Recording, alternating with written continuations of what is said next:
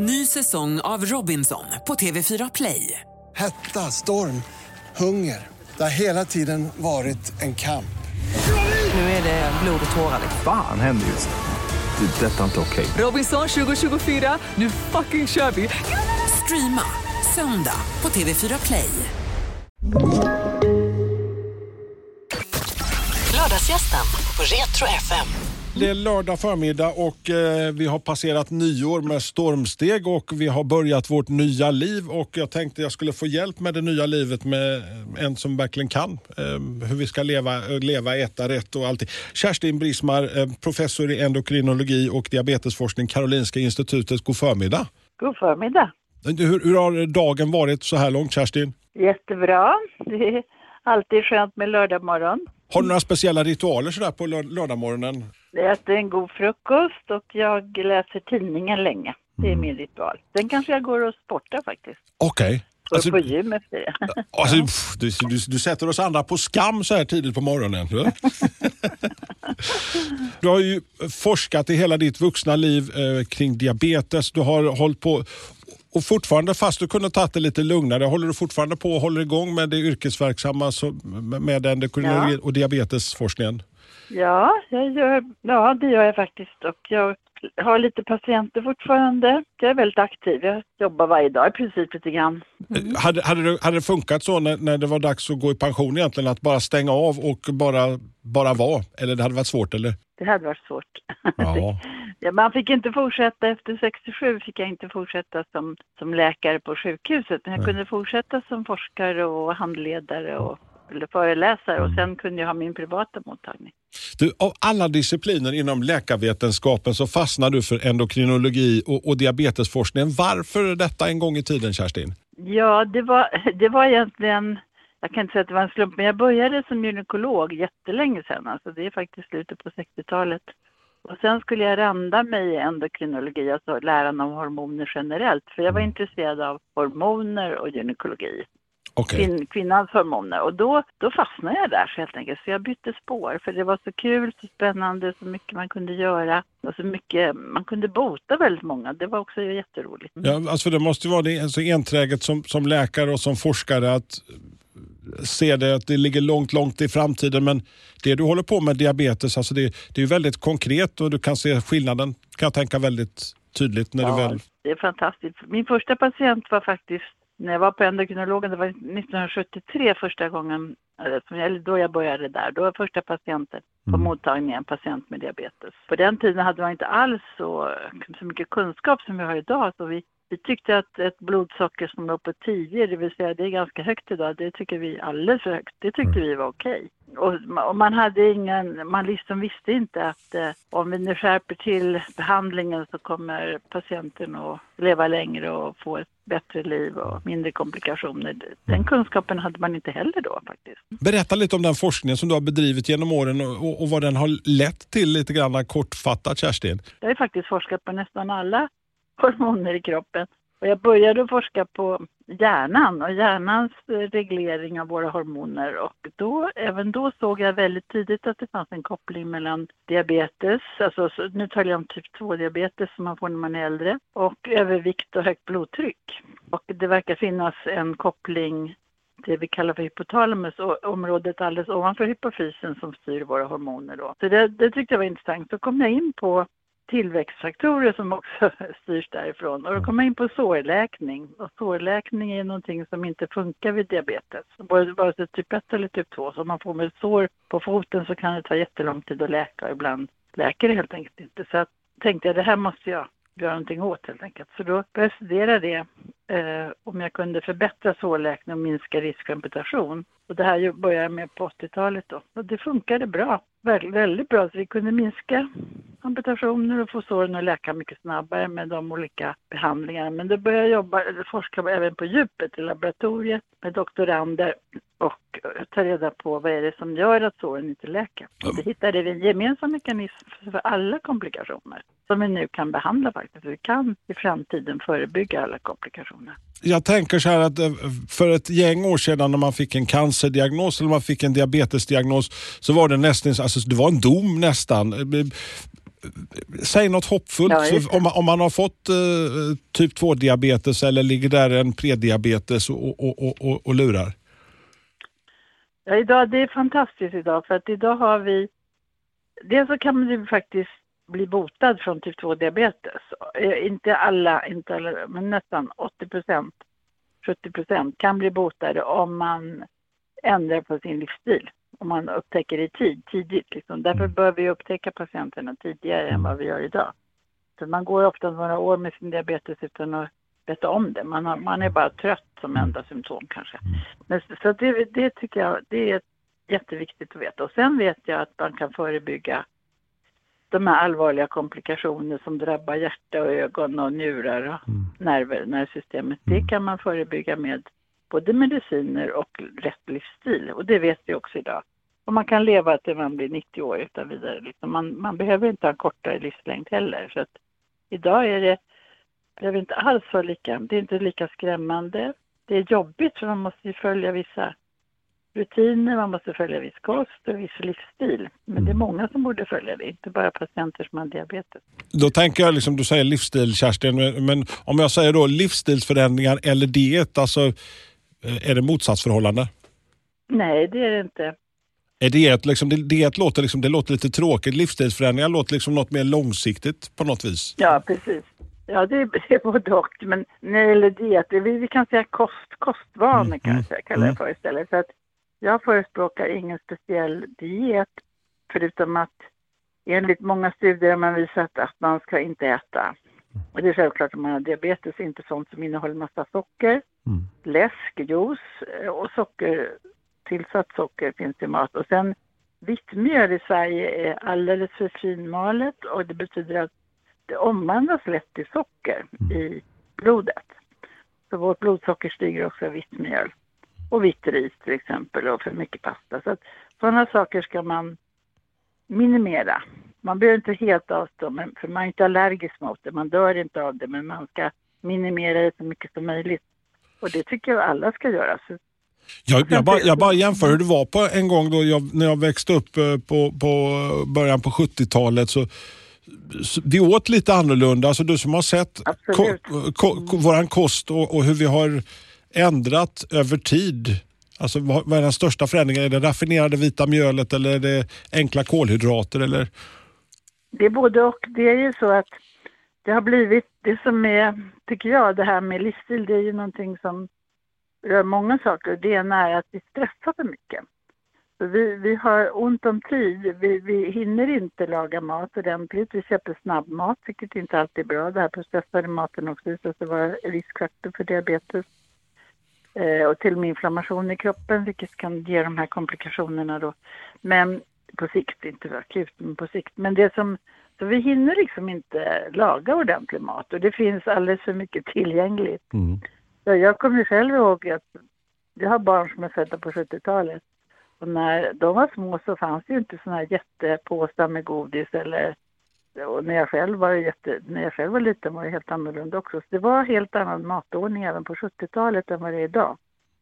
Jag, jag tänker bara på hur kundvagnarna ser ut när jag går och handlar på helgen. Alltså när, jag, när jag växte upp så var de lite mindre, påsarna lite mindre. Och sen nu, nu är det så att man kan släcka, slänga ner en halv ko i en eh, kundvagn känns det som nästan. Kundvar, exakt, ja. visst. Och sen är det ju storleken på läske, läskedrycken till exempel. Det är jättestor skillnad. Förut var det 33 centiliter, nu är det en och en halv liter till exempel.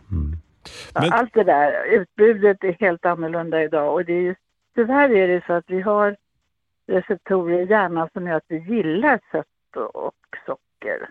Alltså socker, alltså det som smakar sött och fett. Och då väljer vi, om vi inte tänker efter, de här produkterna. Och ju oftare vi väljer dem, ju mer beroende blir vi av dem.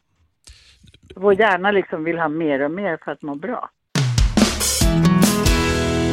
Ny säsong av Robinson på TV4 Play. Hetta, storm, hunger. Det har hela tiden varit en kamp. Nu är det blod och tårar. liksom. Fan händer just det. Det. är Detta är inte okej. Robinson 2024, nu fucking kör vi! Streama söndag på TV4 Play. Aj, aj, aj, det kluckar i rören. Men det är väl inget att bry sig om? Jo, då är det dags för de gröna bilarna. Spolarna behöver göra sitt jobb. Spolarna är lösningen. Ah, hör du? Nej, just det. Det har slutat. Jag sitter och, och tänker på alla de här olika livsstilsförändringarna. Det, det låter ju så väldigt enkelt. Vi är väl ett par stycken där ute som har, och jag själv som har provat på känns det som nästan allting. 5-2, LCHF och det ena med det femte. Men jag har provat på den senaste tiden, det var därför jag var lite nyfiken och ville prata med dig Kerstin. Jag har provat på det här som har blivit så jätteinne just nu, om man nu ska säga inne, med periodisk fasta eller leva som vi gjorde för, med, med ett litet ätfönster. Berätta alltså fördelarna eh, för de som eh, inte förstår. Nej, då är det så att man, ja det har vi vetat länge, länge, länge att om vi äter sent på kvällen och på natten, då har vi sämre förmåga att bryta ner energin i, att använda energin utan den lagras i fettväven helt enkelt. Så det vi stoppar i oss på kvällen och på natten det hamnar i våra fettceller om jag ska förenkla. Mm. Och de blir större och fler och det är väldigt svårt och man kan aldrig bli av med dem men man kan få dem mindre men det är jobbigare och jobbigare ju äldre vi blir att minska fettvävnadens storlek så att säga. Och det, då, är det, då har man sett för många, många studier att de som har sådana typ av jobb, skiftesjobb där man jobbar på kväll och natt, de har större risk för övervikt och diabetes och de sjukdomar som kopplas till övervikt, hjärt-kärlsjukdom och högt blodtryck till exempel. Så det, är ju, det, det, vet vi inte är bra. Sen vet vi från alla möjliga studier att eh, varför, vad är det som händer då på kvällen? Jo, det är att vi blir mer insulinokänsliga och det är därför vi inte kan ta hand om vår vår, vår föda, liksom, det kolhydraterna som vi stoppar i oss till exempel. Så då stiger blodsockret eh, mycket högre än om, på samma måltid som vi skulle äta mitt på dagen. Så det, vi ligger olika på samma kost. Så säga. Men sen när man kommer på det att det finns och det kom man på för länge sedan, men ännu mer kunskap som till och med gav Nobelpris för några år sedan att det finns något som heter klockgener. Det vill säga att det finns små proteiner i varje liten cell som reglerar cellernas ämnesomsättning. Det här är lite olika lever och muskler och hjärna etc. Men alla cellernas ämnesomsättning är inställda efter solen kan vi säga, efter ljus och mörker.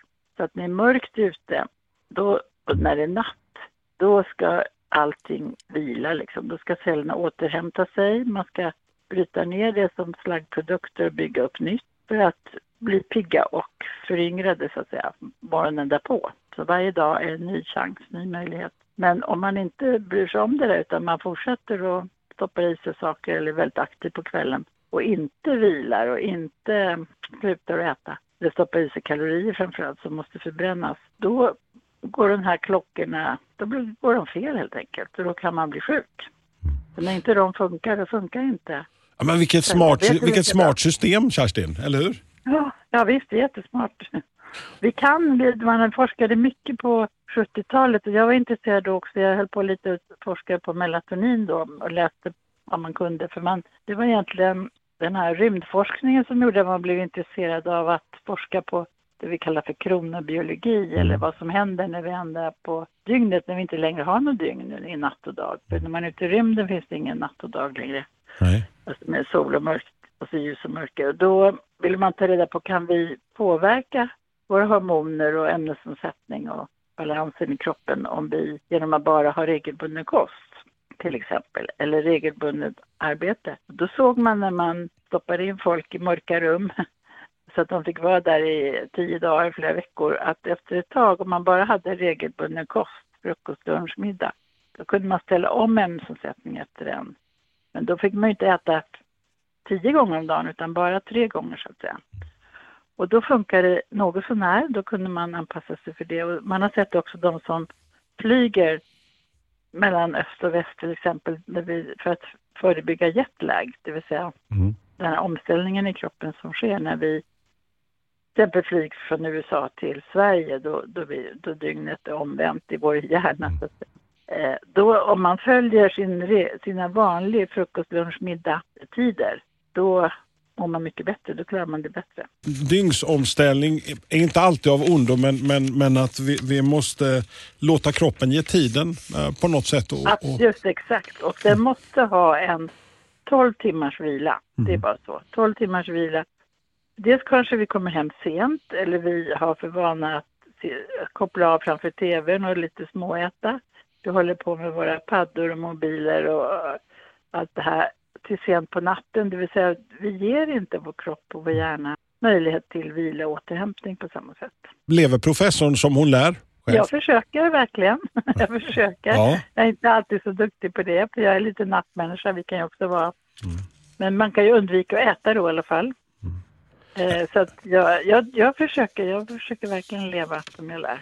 Det, op- det optimala, alltså det, finns ju, det finns ju en hel uppsjö om man bara söker på, på intermittent fasting eller periodisk fasta. Det blir En hel räcka med olika tidsfönster man ska äta mer eller mindre. Det finns ju de mer extrema som går kanske 16 timmars fasta och kanske ännu mer. Och så kort, ännu Men det kortare. tycker jag. Just det, jag, jag, jag tror det som viktigt, det finns ju några bra studier faktiskt som visar att det viktigaste är att fasta kvällen och natten. Och då är frågan när är det sista gången man ska äta? Och då frågar jag, det är inte bara mat utan det är väl kaloririkt dryck man talar om.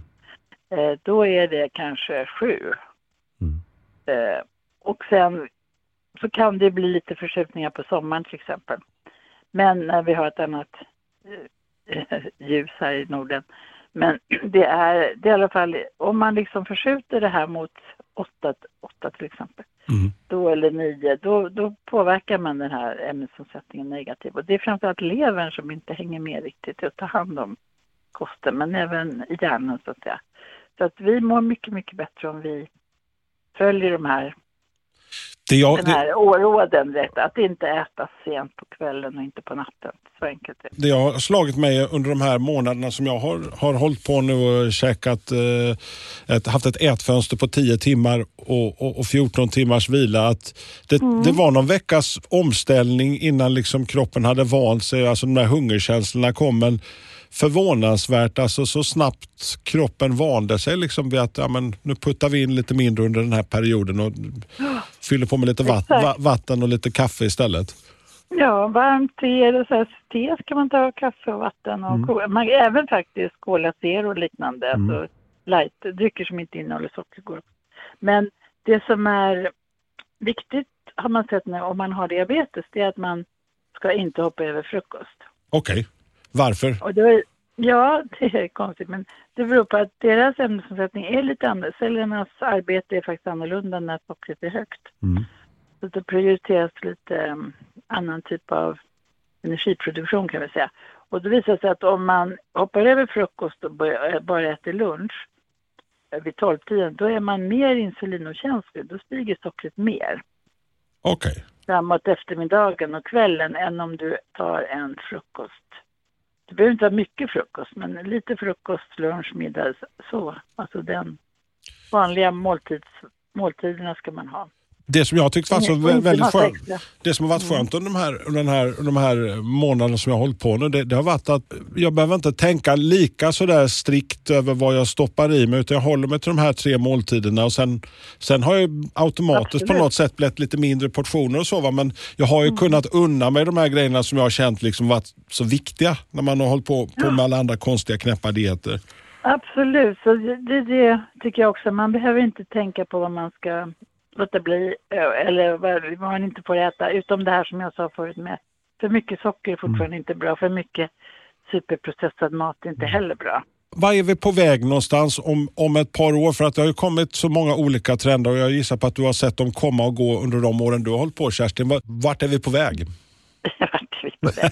Jag tror att vi, nu kommer det, det blir jätteintressant, det kommer en nya närings, nordisk näringsrekommendationer, du vet, som är baserat på all forskning som har pågått nu under de senaste decennierna. Eh, och då, det kommer nu i höst tror jag, eller ganska snart, alltså i år.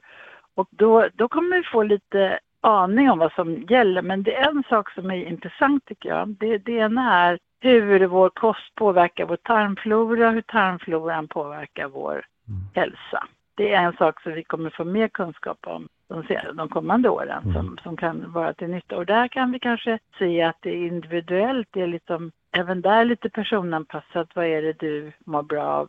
Och då kan det vara olika för olika personer, att en del ska verkligen vara noga med det här med socker och andra kanske inte är riktigt lika viktigt.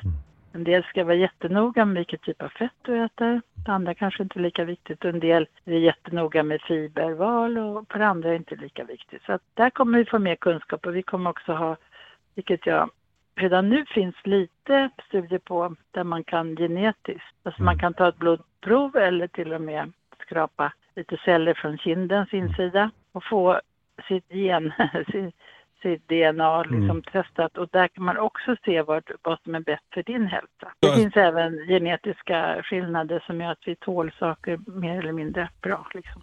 Det, alltså det låter ju så fantastiskt spännande Kerstin. Och jag måste bara till sist få fråga. Så att många tänker ju att de har hållit på och, och, och hållit eh, bantat och kört olika dieter genom livet och kommit upp i åren och tänker att nu är det för sent att ändra. Alltså det, här, det, det är kört, det gör ändå ingen skillnad. Är det för sent att börja Kerstin? Ja, aldrig för sent. Det är det som är så bra.